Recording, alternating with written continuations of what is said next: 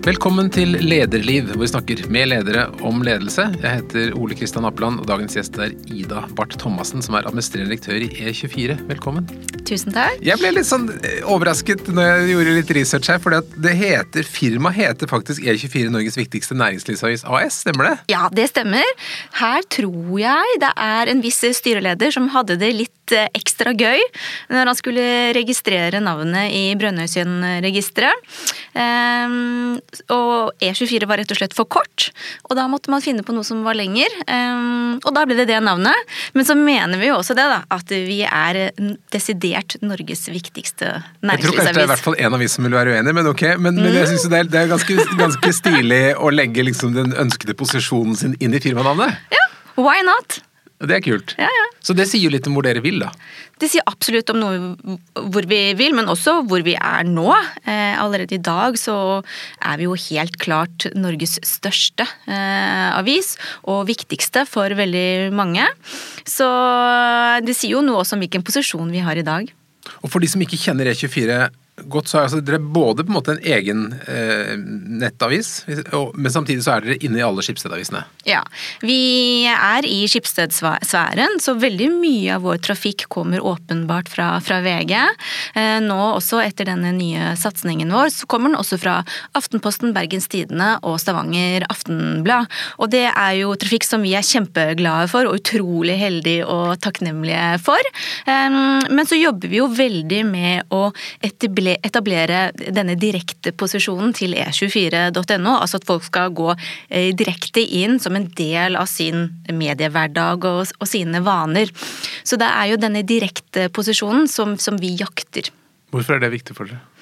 Fordi vi ønsker å skape eh, et, en, en, helt egen identitet for E24. Det er sånn, i hvert fall tidligere, at veldig mange forbinder E24 med økonominyhetene til VG. Eh, og det er ikke så rart, for vi frontes jo ofte og der, eller publiserer ofte der. Eh, men vi ønsker å også stå på våre egne, egne ben og etablere vår egen identitet og, og merkevare. Hvor mange mennesker er det som er innom E24 på en god dag? Altså, Ukentlig så har vi ifølge siste tall ca. 880 000 lesere. Og vi ligger godt over det. Og hva kjennetegner en E24-leser? Um, I dag så er um, den typiske E24-leseren fortsatt uh, kraftig uh, dreiet mot menn. Typiske businessmenn uh, som er interessert i norsk økonomi og, og næringsliv.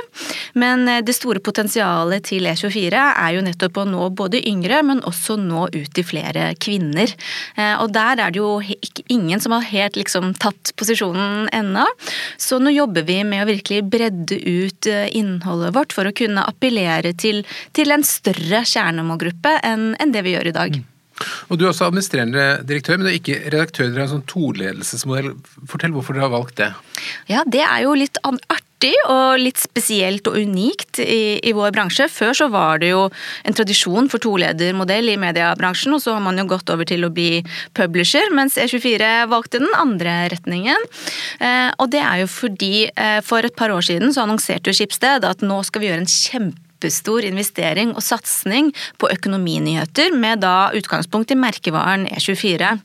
Og, og da skulle vi ansette 30 nye journalister, som jo er en historisk og unik mm. hendelse i norsk mediebransje. Men vi skulle også ikke bare samarbeide med VG, men også med Aftenposten, Bergens Tiden og Stavanger Aftenblad. Og vi skulle sette til livs en helt ny strategi. Så eh, det var mye å gjøre. Mange nye områder man skulle tappe inn på. Og det er jo ikke bare sånn at vi eh, er så heldig å få en investeringspott av Skipsted. Det skal jo lønne seg og avkaste seg. Så vi må jo snu dette om til et positivt resultat, og vi må jo virkelig skape vekst på topplinje. Så for å på en måte både appellere bredere ut til en annen målgruppe utover den vi har i dag, og i tillegg til den vi har i dag, det er litt viktig å si, eh, så er det strategi, det er brukerbetaling, det er samarbeid på tvers i matrisen, og eh, Skipsted det er en matrise som krever en del samarbeid, og vi må sikre helt nye eh, inntekter. I dag så er jo som store deler av mediebransjen, vi har jo vår største andel fra, på inntekter på annonse. Men vi kommer jo til å, og vi jobber mye mer med brukerbetaling nå enn hva vi gjorde før. Og så jobber vi også med å utvikle helt nye inntektsområder. Så det var rett og slett eh, eh behov for to ledere eh, som kunne i et samarbeid ta for seg eh, denne store store investeringen og prosjektet. Så det betyr at selv om du er administrerende, så er det altså en stor del av virksomheten som styres av en annen? Ja, ja, det er det. Det er da min gode partner Lars Håkon Grønning som er sjefredaktør. Han har ansvaret for all publisering og, og alt innhold, og han har også ansvaret for flest folk. Og så er det jeg som er eh, overordnet eh, ansvarlig for økonomi, resultat, alt av det finansielle. Eh, I tillegg til det kommersielle. Så det er jeg som drifter og, og, og styrer alt av inntekter, drift. Og så deler vi på strategi, for det er jo veldig viktig for både redaksjonell side og kommersiell side. Og så er jo selvfølgelig brukerbetaling kan man ikke bare dele på én side. Brukerbetaling er både inntekter, men det handler også om eh, innhold og verdi for leserne våre. Så vi har våre veldig tydelige og avgrensede ansvarsområder. Men så har vi noen områder hvor vi samarbeider veldig tett og, og bra på. Men tenker du at det er en bra modell å ha sånn to ledere? I den fasen som E24 er i nå, så syns jeg det er, og tror at det er en kjempebra modell. Eh, for det er vanskelig, tror jeg, eh, for en, en medieleder å skulle ha 100% innsikt og oversikt og kontroll på alt som skjer på økonomi og inntekter og strategi, og det redaksjonelle, når man står midt i en satsing. Så akkurat nå så tror jeg det er eh, kjempeviktig og riktig for, for E24. Men som ansvarlig for hvordan det utvikler seg totalt sett, må du være litt opptatt av journalistikken også? Absolutt. I aller høyeste grad. Jeg, eh, jeg er svært eh, opptatt av det, men det er ikke jeg som bestemmer eh, hva som publiserer. Nei, nei, nei, nei. skrive mer om det? Det, det, jeg, det, må jeg holde meg langt unna. Ja. Ja. Er det vanskelig? Ja, det er kjempevanskelig. det vil jeg tro. Men du har faktisk til og med studert den, en sånn ledermodell, du? Mm. Jeg studerte på et universitet i Milano, Italia, som heter Bocconi. Um, begynte der for jeg syntes det var gøy med Italia og italiensk, og det var mange andre nordmenn der. Oppdaget etter hvert som jeg gikk der at uh, jøss, dette her er jo ganske anerkjent uh, universitet. Um, og hadde det kjempefint der. Der hadde vi jo, uh, for på den linjen jeg gikk, det var jo en kombinasjon av liksom hardbarka finansmatte til filosofi og kunsthistorie. Og det er jo det skjæringspunktet og kombinasjonen som som, som jeg elsker. Jeg er ikke nødvendigvis best på å regne ut de finansielle, kompliserte mattestykkene, men jeg forstår viktigheten av det. Og så er jeg samtidig eh, veldig kreativ, og jeg lar meg inspirere av det. Og en av mine, en av mine oppgaver på Bocconi handlet jo nettopp om et kunstmuseum som sto overfor dilemmaet skal vi ha en kunstnerisk leder som har på en måte fagkunnskapen og, eh, kjent, og en kjent personlighet innen området? Eller skal man ha eh, økonomidirektøren som sørger for at businessen faktisk går rundt? Da? Og Hva konkluderte med oppgaven? Nei, Jeg da konkluderte med at man måtte ha en administrerende direktør som hadde fullstendig kontroll og oversikt, og sørget for at sjappa gikk rundt, men med en kunstnerisk leder. Ja. Mm. Så du, du, er i nærheten av der du mente at man burde være, da, egentlig? På en måte, ja. Mm, så bra. Og så, etter hvert så kom du inn i trainee-programmet til Skipsted. Mm. Uh, og det er jo noe mange har hørt om. men det er ikke, det er mange, Noen store bedrifter har det, andre har det ikke. Men hva er fordelen, tenker du, med et sånt Eller beskriv litt hvordan det programmet er, og hva du tenker er bra med et sånt program. Det som er bra med et sånt program, er jo at du får en helt unik mulighet til eh, å Eh, opparbeide deg arbeidserfaring fra mange ulike merkevarer. Eh, det er jo mange store selskaper som har et eh, trainee-program som er i én og samme merkevare, men det som er unikt med Schibsted, er at man har så mange ulike merkevarer, ikke bare i Norge, men også i Sverige og i mange andre deler av verden og i utlandet generelt. Så sånn sett så vil jeg jo si at trainee-programmet til Schibsted er unikt. Det er over to år. Du har fire forskjellige plasseringer. Du kommer jo inn da med eh, Du er ganske usikker og er litt sånn spent på hva som, som møter deg. Og du får sånn beskjed om at du er morgendagens leder. Og du blir sånn wow, shit, er jo morgendagens eh, leder?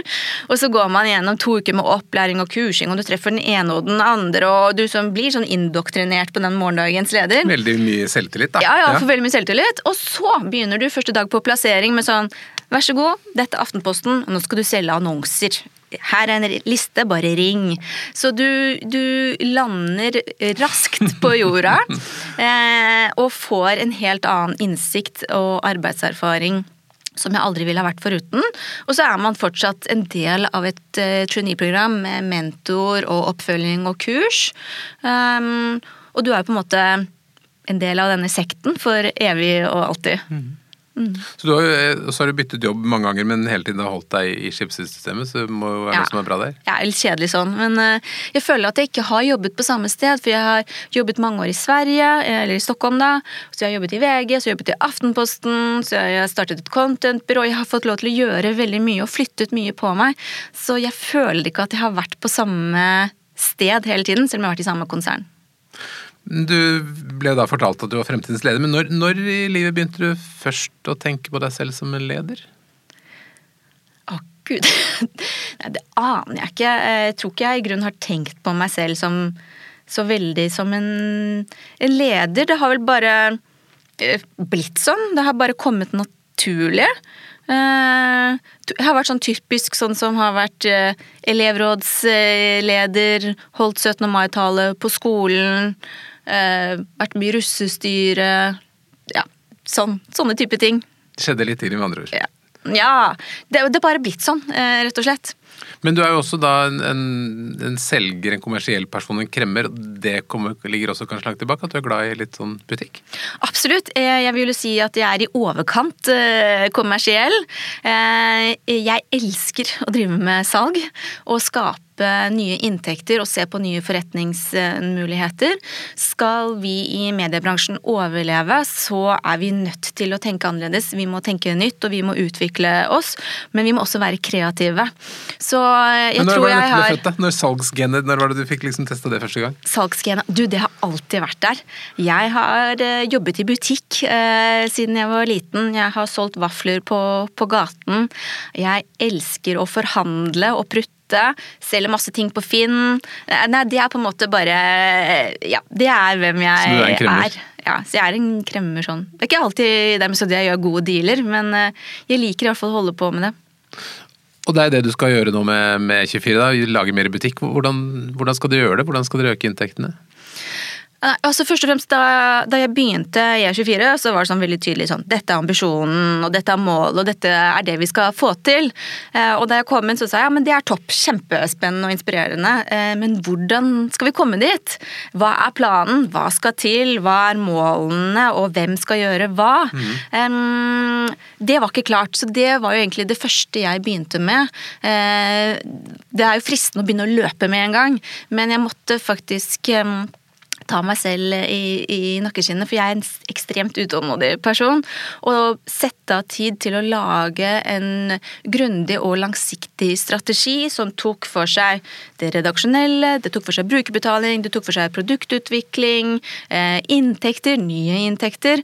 Så vi laget et, rett og slett en, en strukturert plan for hva skal vi få til. Så prøver jeg å følge den på best mulig måte, måle utvikling, og også justere eh, målene, eventuelt endre kurs og prioritere om. Du kom inn i desember 2019? Ja. Du har kanskje ikke planlagt pandemi? så det lå kanskje ikke inni... Overhodet ikke planlagt eh, pandemi. Ehm, men det var jo bare sånn det var, så det måtte man jo bare håndtere. Har du tullet i planene dine? Ehm, det har ikke tullet til planene, men eh, det har jo forsinket noe. Det har det. Da korona virkelig smalt, så var det klart at redaksjonell side måtte prioritere, og helt riktig, altså måtte prioritere den dekningen. Um, og med det rette, fordi det gjorde at vi økte jo trafikken voldsomt, og har nå etablert oss på et høyere nivå, og også etablert oss som en viktig stemme ute i næringslivet. Så da måtte redaksjonell side virkelig prioritere at uh, nå må vi sette noe litt på pause, og prioritere den redaksjonelle dekningen av, av covid-19. Og så kom vi litt senere i gang med noen ansettelser. Eh, fordi eh, man var jo usikker på hvilke konsekvenser, altså økonomiske konsekvenser pandemien kom til å få. Så vi satte noen ansettelser på, på, hold, men vi startet ganske raskt eh, opp igjen. Det tok ikke så lang tid. Eh, og så sto vi jo midt i denne satsingen, vi skulle oppbemanne med 30 personer, ikke sant. Eh, og da, jeg tror vi har i løpet av det siste året hatt 26 nyansatte som har startet på hjemmekontor. Mm. Eh, og det er jo ganske annerledes. Av ca. 70, er det nå? Vi er 71. Mm. Mm. Ja, Det er en stor andel på hjemmekontoret, absolutt. Mm. Men eh, mediebransjen og avisene har jo hatt turbulent, noen turbulente tiår med overgang til eh, digitalt og sånn. Mm. Men i det siste så kan det virke som bransjen er litt friskmeldt. Altså det, det, skjer, det er mer brukerinntekter, flere kamp om gode journalister og sånn. Er, er avisene nå liksom en vital næring? Nå er vi veldig heldige, da, for vi er heldigitale. Så eh, vi har kun fokus på eh, digital publisering og digitale inntekter. Og det har jo skjermet E24 fra en del av fallet som mm. skjer på, på print. Så sånn sett så står jo vi en, i en heldig mm, posisjon. Og så vil jeg jo si at eh, det skiftet som har skjedd i den digitale forretningsmodellen er helt kritisk for at nettaviser skal overleve i fremtiden. Altså dette skiftet fra å ikke kun være avhengig av annonser, men også eh, skape en bærekraftig økonomi via brukerbetaling. Mm. Eh, og det er noe som tar tid å bygge opp, og vi er ikke lengst fremme der. Vi startet egentlig ganske sent med brukerbetaling, og så bare tok det helt av under covid covid-19. Vi slo jo rekord på rekord på rekord. Um, og nå er vi over i en ny fase hvor vi virkelig tar inn over oss viktigheten av brukerbetaling for å sikre langsiktighet og bærekraftig økonomi. Og vi jobber med brukerbetaling på en helt annen måte. Så jeg tror på en måte det skiftet eh, for norske eh, aviser er ekstremt viktig å lykkes med. Så Hvordan er forholdet mellom annonseinntekter og det du kaller brukerbetaling, altså abonnement, i dag hos dere? Eh, I dag så er, eh, basert på tallene fra i fjor, som mm. jo er offentlige, så eh, er det en fordeling på ca. 70-30. 70 på annonser? Ja. ja. Og hvordan, vil, fortsatt, hvordan vil du at det skal være? Mm, det er interessant at du spør om. Det er ikke så lenge siden vi skulle forutse hvor tror vi at vi er i 2024. da. Mm. Um, og jeg tipper at vi er mot 50-50 da. Mm. Mm. Hvem er det som har kommet lengst? Eller, eller lengst og lengst? Altså, hvilke medier er det som har mest brukerbetaling, vet du det? Jeg vet ikke akkurat hvem som har mest, men Aftenposten startet jo veldig tidlig med brukerbetaling. Mm. Litt før noen helt kanskje var enige. Eh, og man begynte jo med en metermodell. Eh, og da jobbet jeg i Aftenposten, og jeg husker jeg var altså, virkelig uenig i den modellen. For da begynte man jo å telle antall saker, og det var også etter visst antall saker lest, så nådde man en betalingsmur. Mm. Mens jeg husker jeg sto på kontoret til Sondre Gravir og bare ropte, men det er jo ikke et antall som selger, det er jo innholdet! Mm. Um, og så har det skjedd en endring der, men det er jo for meg bekjent Aftenposten som virkelig har tatt det store steget over på brukerbetaling. Mm. Men skyldes dette at øh, si, annonsørene ikke er villige til å bruke penger på avis mer? At dere må ha så mye brukerbetaling for å få det til å gå opp? Eller? Jeg tror um, markedet for uh, annonsører er så mye større og det er så mye mer fragmentert enn en hva det var før. Og um, det er jo selvfølgelig andre store internasjonale giganter som, som, tar store budsjetter fra de norske annonsørene som mm. tradisjonelt sett annonserer på norske medier.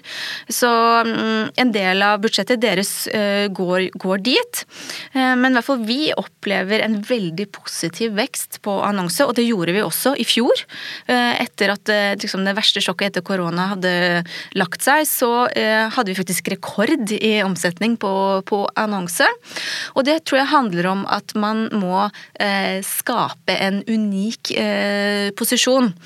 For VG for eksempel, så de er jo Norges største trafikkmotor. De når jo ut til alle. Så er du en stor annonsør og skal treffe alle, så er det et åpenbart valg. Men skal du kanskje nå litt mer nisjet, litt, litt mer premium og litt mer spesielt og litt mer unikt, så er kanskje E24 et godt valg, eller i kombinasjonen med hverandre. Så jeg tror det at uh, også Schibsted har blitt mye flinkere til å selge inn kombinasjonen av ulike me medier, og flinkere til å forklare hvordan de kan komplementere hverandre. For mm. det er ikke sånn at uh, en bilaktør uh, selger ut alle de nye elbilene ved å kunne annonsere på én kanal. Men er det på en måte relevant å ha eh, folk som selger reklame på E24? Da kunne man ikke liksom bare solgt på Skipsted og så truffet folk der de var? Det, øh, tenker du på de, på de, som selger? Ja, for, altså for at, ja, at, selgerne kan selge på alle, absolutt alle Skipsted-plater. Det er sånn det er organisert. Det er sånn der, ja, okay. E24 har ikke egne selgere. Nei, ok. Det er en egen hub i Skipsted som, øh, som selger og kan selge alle produkter i Skipsted. Og det er mange. Det er mange merkevarer og produkter å ta av. Eh, så da gjelder det å jobbe eh, smart eh, for å være top of mind hos de selgerne som, som er ute og selger på mm. vegne av Skipsted. Så du må drive med litt sånn internmarkedsføring her? Absolutt. Vi bruker fryktelig mye tid på det. Og der gjelder det å, å eh, være litt street smart, da. Eh, hva er det selgerne vil ha? Hva er det de vil ha med seg ut? Men også på hvilken måte kan vi være unike sammenlignet med de andre merkevarene i Schibsted, eller hvordan kan vi komplementere hverandre? Og akkurat det jobber vi veldig mye med. Mm, du vil helst ha abonnementsinntekt, eller du vil gjerne ha abonnementsinntekt. Det vil jo alle andre også. Tenker du, Det begynner å bli veldig mange ting vi betaler abonnement for nå. Det er mange aviser og strømmetjenester og bøker, og man kan etter hvert abonnere på alt fra briller til biler. Altså, hvor tenker du grensen går for mye folk er villige til å abonnere på? Ja, Det lurer vi også veldig på. Men alt handler jo om hva slags verdi eh, du legger inn i dette tilbudet til, til, leserne. Og det er jo noe vi er mye mer bevisst på nå enn hva vi var før.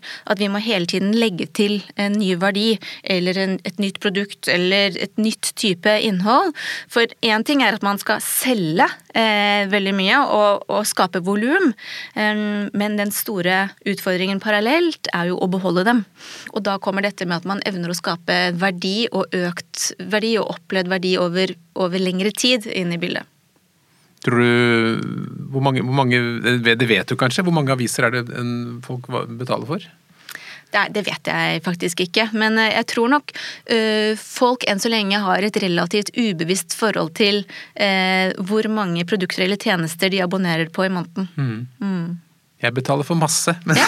jeg må si jeg har ikke oversikt over alt sammen. Men du har sikkert kost deg med det da, i koronatiden? Ja, ja, ja, men jeg leser jo mye, så det må jo følge med. Det, men, men, jeg tenker at det går jo en eller annen Det går jo et tak et sted på hvor mange ting man er villig til å abonnere på, men det kommer kanskje mye på hvor mye tid man faktisk har til å bruke på de ulike flatene også. Ja, og så tror jeg det kommer litt an på eh, hvor relevant det er for deg. Vi tenker jo hele tiden at vi er eh, veldig relevante for folk i deres arbeidshverdag og i deres jobbsituasjon. Og dermed så handler det om at vi må jo gi dem verdi inn i deres karriere og arbeidsliv.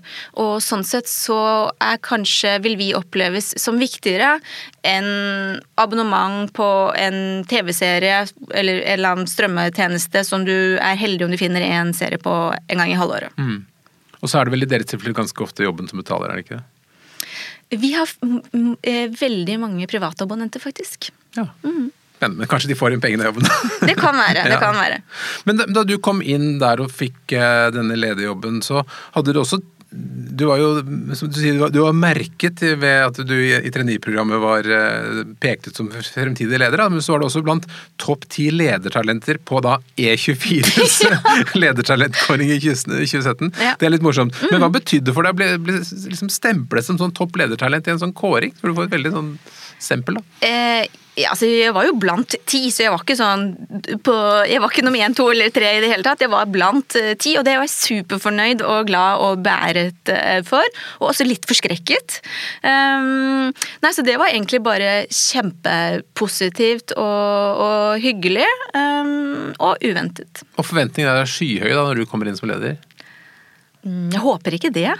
Uh, nei, det tror jeg ikke. Men hvordan tenkte du da du angrep den jobben? Hvordan du kom på med nye kolleger, hvordan tenkte du at du ville være for dem, eller vil være for dem? Altså alt i Skipsted, Ettersom jeg har vært så lenge i Skipsted, så er jo ikke E24 helt nytt for meg. Jeg hadde jo startet opp et contentbyrå i Skipsted hvor et av de viktigste produktene hadde vært E24. Så det var jo ikke sånn at jeg startet helt på, på, på scratch. Men akkurat da jeg begynte, så handlet det først og fremst om å bli kjent med de folka som, som var der. Men også sette seg inn i, i ok, hva er denne store ambisjonen, og hva er det vi skal få til? Og så oppdaget jeg veldig fort ja, men det er ikke noen plan for hvordan vi skal klare det. Så jeg, jeg, brukte, jeg begynte egentlig veldig raskt på den. ok, Samle sammen folk og team for eh, få opp en plan. Og da må man involvere veldig mange folk eh, fra ulike avdelinger, både i E24, men også i Skipsted. Og det er jo en perfekt intro eh, og start, for da begynner man virkelig sånn på scratch med sånn ok, hvordan fungerer det i dag? Hva funker, hva funker ikke? Eh, hvem leser oss, hvem leser oss ikke? Hvordan jobber folk? Så oppstarten var jo veldig god sånn sett, at jeg måtte på en måte sette meg inn i absolutt alt for å kunne eh, meisle ut en strategi, som det mm. heter. Så da brukte du den til å bli kjent med folk også? Mm. Og hva, hva, vil du liksom at de skal tenke om deg som leder? Hva skal de si når du kommer hjem til sine ektefeller? Han har fått ny sjef, Ida, hun er Hvordan, skal, de si, hvordan skal de vurdere deg? uh, nei Jeg håper uh, at eh, folk tenker at jeg er en en målrettet um, og tydelig uh, leder som evner å motivere og engasjere. Uh, samtidig som jeg har på en måte noe å by på, rent faglig sett. Og som virkelig bryr seg om folk, og som evner å, å inkludere. Mm.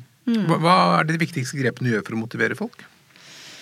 Um, Personlig så er jeg veldig fan av ledere som har eh, mye engasjement og mye energi, og jeg tror på den måten så eh, klarer man å få med seg folk. Eh, og det er ikke sånn at jeg prøver å være sånn, det er mer hvem jeg er. Um, og hvert fall jeg tidligere fått tilbakemelding om at eh, det er noe som beskriver meg, at jeg klarer å motivere og inspirere og, få med meg folk i, i mitt team, da, eller på, på min, min avdeling. Men så tror jeg nok også at jeg kjennetegnes for å være kanskje ganske direkte eh, noen ganger. Ja, og det er fordi jeg er ekstremt utålmodig.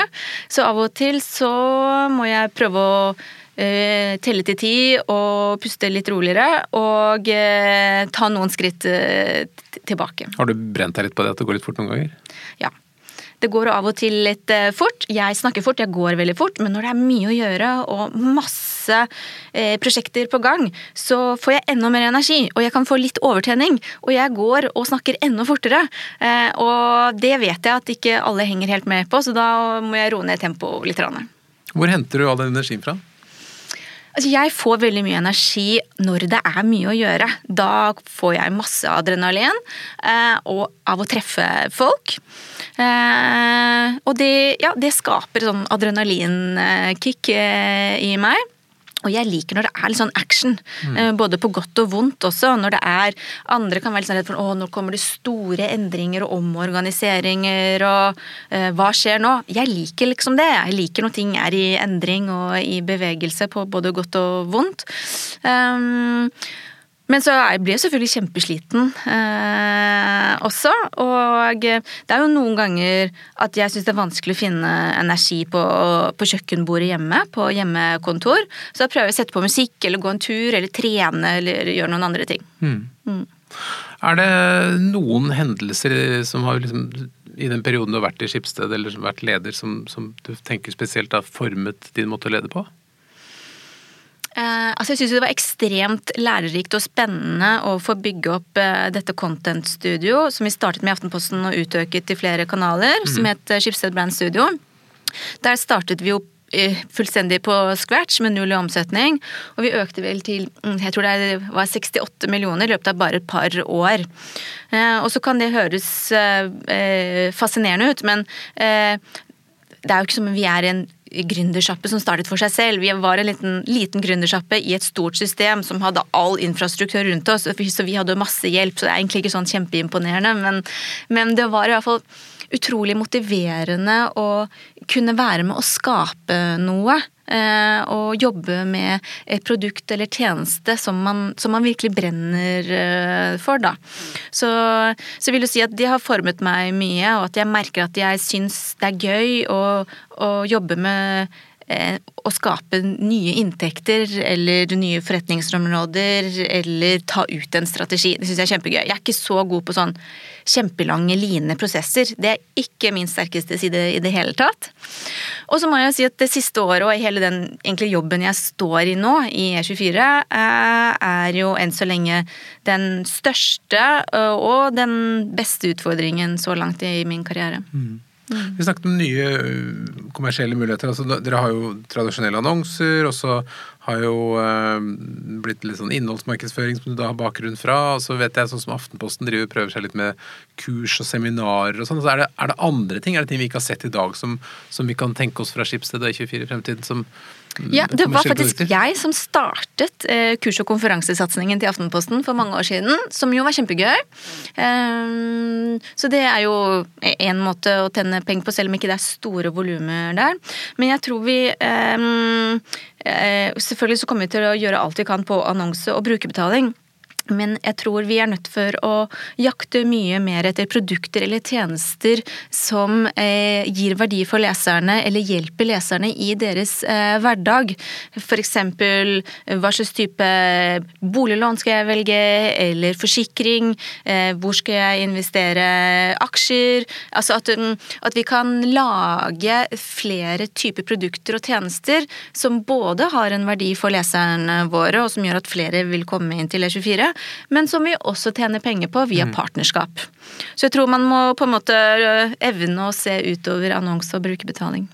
Er det noen helt nye ting? Altså, du, du følger sikkert med som følger inn, hva som skjer internasjonalt. Er det noen sånne helt nye måter å tjene penger på som vi ikke har sett i Norge nå? Nei, Vi ser jo en del av sånne type tjenester, ja. du, som er mer sånn torgetjenester, hvor du kan Eller guider. Um, hvor du kan velge alt fra kjøp aksjer her, og så samarbeider du med alle mulige slags banker, og så får du en eller annen kickback på, på det. Eller så kunne det ha vært en konferanseguide, f.eks. Eller møteromsguide. Ehm, det finnes eh, mange muligheter eh, som nok tar tid å bygge opp. Det er ikke sånn at man eh, kan lansere det, og så tjener man millioner med en gang. Jeg tror man må bygge opp et marked for det. Og så er vel podkast et marked som Skipsted ser på? Absolutt. Eh, podkast og lyd er, eh, er kjempe, kjempespennende. Og da jeg jobbet med content, så var jo på en måte det det hete eh, store, å lage native podkastannonser. Mm. Mm. Det er mange muligheter. Tenker du det er, er det noen, Ligger det noen utfordringer i dette at leseren noen gang kan bli litt forvirret på hva som er kjøpt og betalt, og hva som er redaksjonelt? Nei. Alle Brukertester så langt viser at det er tydelig og godt uh, merket. Um, og det gjør at jeg ikke er noe bekymret for det. Jeg må litt, gi litt ros til E24. Jeg syns dere er blant de som er ganske tydelige på annonsørinnhold på, på nettsidene deres, i hvert fall. Mer enn, mm. mer enn, en, del, mer enn en del andre. Ja. Det er veldig bra. Men, men um, du har jo da jobbet med flere ting som handler om innovasjon, det å finne på noe nytt. Hva, hva er liksom oppskriften på en god innovasjonsprosess, eller det å drive frem nye tjenester og produkter? Eh, jeg tror det som er mm, alfa og omega over alle businessplaner, er eh, brukernes behov. Mm. Hva er eh, deres ønsker og, og behov som, som, er der ute? Så hver gang vi skal både eventuelt lansere et nytt produkt eller tjeneste, eller nye redaksjonelle stolper eller tematikk eller områder, så begynner vi alltid med å intervjue brukerne våre. Men ikke bare dagens brukere, men også de brukerne som vi ikke har. Som vi kanskje ønsker oss. Um, og så eh, må man iterere, som jeg har lært meg at det heter, på, på det. Eh, og det vil si? Eh, eh kontinuerlig forbedre og sp eh, spørre hva syns du om dette og dette versus dette, og rett og slett teste. Eh, et eksempel på det er jo at E24 eh, har jo sett likt ut de siste 15 årene. Det er en rød logo, det er 50 shades og beige i ulike varianter nedover siten. Det er, har tidligere vært, ikke så mye nå lenger, med en bilde av fly, fly, fly, oljerigg, oljerigg mann i dress, mann i dress, mann i dress. Det har endret seg nå, men vi skal snart lansere en helt ny visuell identitet med liksom ny logo, font og farger. Og et eksempel på eh, innovasjon der er jo at eh, Design er ekstremt subjektivt. Jeg kan synes en ting er fint, og du kan synes noe annet er kjempefint. Men det har egentlig ingenting å si. Det viktigste er jo hvordan dagens kjernemålgruppe oppfatter det. Men også de som vi ønsker at skal lese E24 oppfatter det. Og så de hele tiden justerer etter deres meninger. Eh, og det har gjort f.eks. at eh, dette redesignprosjektet har tatt veldig lang tid, og jeg blir fryktelig utålmodig. Samtidig som jeg ser eh, absolutt viktigheten av og prioriterer å bruke tiden på, på brukernes behov og, og deres test, tester, rett og slett. Men når du er ute og intervjuer, og sånn, vet folk hva de vil ha? Ofte så er det som man vet ikke hva man vil ha før man får det. Man det. Ja, eh, nok jeg har gjort akkurat brukertestene på Redesign, men da vi startet liksom hele strategiprosjektet på E24, så eh, var det faktisk vi i ledergruppen selv som gjorde alle de kvantitative intervjuene, nettopp for å få den følelsen, da. Mm. Eh, hva er det folk vil ha? Eh, og da er det litt variert. Noen er veldig bevisst, noen er mindre bevisst, og noen må Eh, sendes litt i retning og gis noen, gis noen valg, eller må vise frem eh, noe visuelt da, for å forklare hva man mener. Men jeg tror de opplever at de fleste som har blitt spurt om vil du delta i en kvantitativ undersøkelse om det og det, har gjort seg opp noe, en viss, eh, noen tanker i forkant. Men hvis du eh, Ofte så får man, man spør, så vil folk veldig mye, men så er det ikke sikkert at atferden deres når produktet kommer, er den samme som det man har i et intervju? Absolutt, og det ser vi jo med en gang på trafikktallene. Eh, og da må vi justere og omprioritere, men også sjekke av. Kanskje ikke akkurat med den samme personen, men samme type målgruppe, da. Mm. Hva er det mest vellykkede du har vært med på av innovasjonsprosjekt i den tiden du har vært i Skipsted? Oi eh, Det må være hele oppstarten av Skipsted Brand Studio. å og bygge opp egentlig den sjappa der. Mm. Mm. Og hva har vært eh, mest mislykka? Mm, jeg vil ikke si at noe egentlig har vært um, mislykket. Jeg har vært veldig heldig å få jobbet med positive eh, prosjekter som stort sett uh, har gått bra. Så jeg kommer ikke på noe som har vært mislykket, men det er kanskje noen ting som har vært mer krevende å få eh, til å gå rundt økonomisk.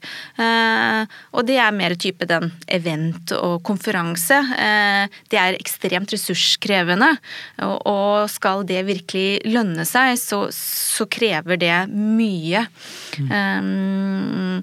så ja, Nei, jeg vil ikke si at noe er mislykket, men det er eh, kanskje den sjangeren som er mer krevende enn f.eks. content. da. Mm. Mm. Det er mye av det Skipsted driver med digitalt, er basert på at man kjenner igjen brukeren på ulike flater. Vi legger igjen digitale sporet seg på Finn og så på 24 og så, så, vet dere ting om meg som bruker som kan brukes i, i annonser. Mm. Og så kommer det nå stadig mye eh, nye løsninger for å skru av den typen sporing. Er det, er det en trussel for dere at dere mister data om brukerne? Ja, det vil jeg jo si. Men eh, vi jobber jo iherdig med login og innlogging via SPID eller andre innlogningsmuligheter. og da eh, gir man jo samtykke. Så jeg tror alle store medieselskaper har et stort og kraftig og viktig fokus på nettopp login, eh, og det vil jo hjelpe oss godt på vei da. Men når jeg logger inn via Speed, som er deres løsning, tror du, tror du, folk er bevisste på hva de egentlig da sier ja til? Man sier jo ja. det skal i hvert fall være veldig tydelig. Ja. ja. Hva er det man egentlig sier ja til når man Nei, vet du, Det vet jeg ikke akkurat uh, detaljene uh, på. Men uh, du gir jo samtykke og sjekker av på en, en, rekke bokser, i likhet med hvordan man gjør det på Spotify, på Netflix, på HBO og alle andre tilbydere av abonnement. Så mm, jeg tror ikke Schibsted er noe annerledes. Vi opplever derimot eh, når vi er ute hos mediebyråer og reklamebyråer, at Schibsted har en ekstremt streng eh, data- og personvernpolicy sammenlignet med flere andre. Når du har holdt på med dette her en stund, det regner med du blir noen år i E24, du var sånn, som en, denne løypa di, det vil sikkert virke som du kanskje kan bli lenge Schibsted, men hva er det du ønsker å, å ha sett av forandringer? Hva har du lyst til å få til på de årene du er i E24? Um, for E24 så uh, vil jeg skape topplinjevekst. Uh, jeg vil uh, skape positive resultater, altså rent økonomisk, og vil på en måte sette check ved det. Eh, og så eh, vil jeg at eh, E24 virkelig står frem som ikke bare Norges største, men også Norges viktigste næringslivsavis. Ikke bare for den kjernemålgruppen vi har i dag, men for langt flere. Det er på en måte det vi ønsker å oppnå rent overordnet. Har du undersøkelser på hvilken grad folk oppfatter det som det i dag? Ja. Hvordan ligger det an? Du, nå er vi på en veldig positiv flow, og det er så gøy å se. Eh, så vi har en merkevaretrekker ja, som vi, mm. vi følger måned for måned. Spennende. Mm. Det, er det månedens høydepunkt å kikke på trackeren? Eh, nei, fordi det er jo sammensatt. Man kan ikke bare stole på én kilde. Så vi følger med på trafikk, vi har brukerintervjuer, vi har merkevaretrackere. Så vi har et langt sett med KPI-er som vi har konkrete måltall på, både kortsiktige og langsiktige. Se på utvikling, og så har vi trafikklys. Hvordan ligger vi an? Så jeg er veldig glad i å sette opp sånne type oversikter og, og fylle inn hvordan vi ligger an. Hva er forventningene for sommeren for E24? Er det en bra tid for dere? Um, nå er jo først og fremst E24 en avis som har mest trafikk på, på, ukedager, fordi det er veldig mange som bruker avisen i, i jobbsammenheng. Så trafikken er naturlig nok noe lavere om, om sommeren. Um, men som en del av den redaksjonelle strategien til min partner Lars Håkon, så handler det jo mye om å bredde ut eh, innholdet. E24 er jo kjent for å være først ute med siste nytt, altså breaking news innen aksjer og, og børs. Um, mens nå tar de jo for seg helt helt andre type områder, som f.eks. karriere og ledelse. Det grønne eh, skiftet i norsk eh, økonomi. Kjente profiler i næringslivet. Og det er jo et type innhold som eh, også kan leve om sommeren. og det håper jeg at vi vil se denne sommeren. Det får vi håpe på. Helt til slutt, Ida. Hvis det kommer en ung person til deg og vil bli leder, eller kanskje bli sjef i en virksomhet i Skipsted, hva er de tre viktigste rådene man, du vil gi for å være en god leder? Må jeg, må jeg kun ha tre? Ja. ja.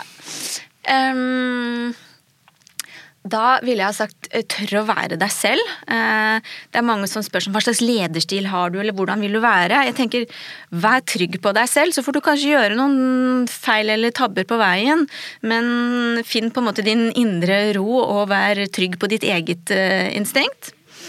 Ehm, det andre er bygg et bra team rundt deg. Ehm, gjerne med eh, kompetanse som du selv ikke har, sånn at man utfyller, eh, utfyller hverandre.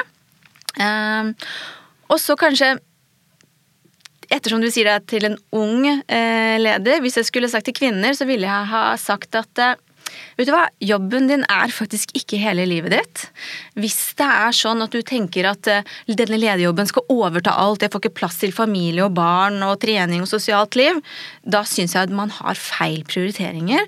Og det tror jeg også gjør at spesielt mange unge kvinner er redd for å ta lederposisjoner. Så ikke tenk at hele jobben er livet. Det går fint an å kombinere rollen som administrerende direktør med tre eh, små barn. Eh, og eh, ikke vær redd for å ta den sjansen. Det var gode råd. Ja, var det det? Ja. Ida Barth tusen takk for at du kom til Lederliv. Tusen takk for meg.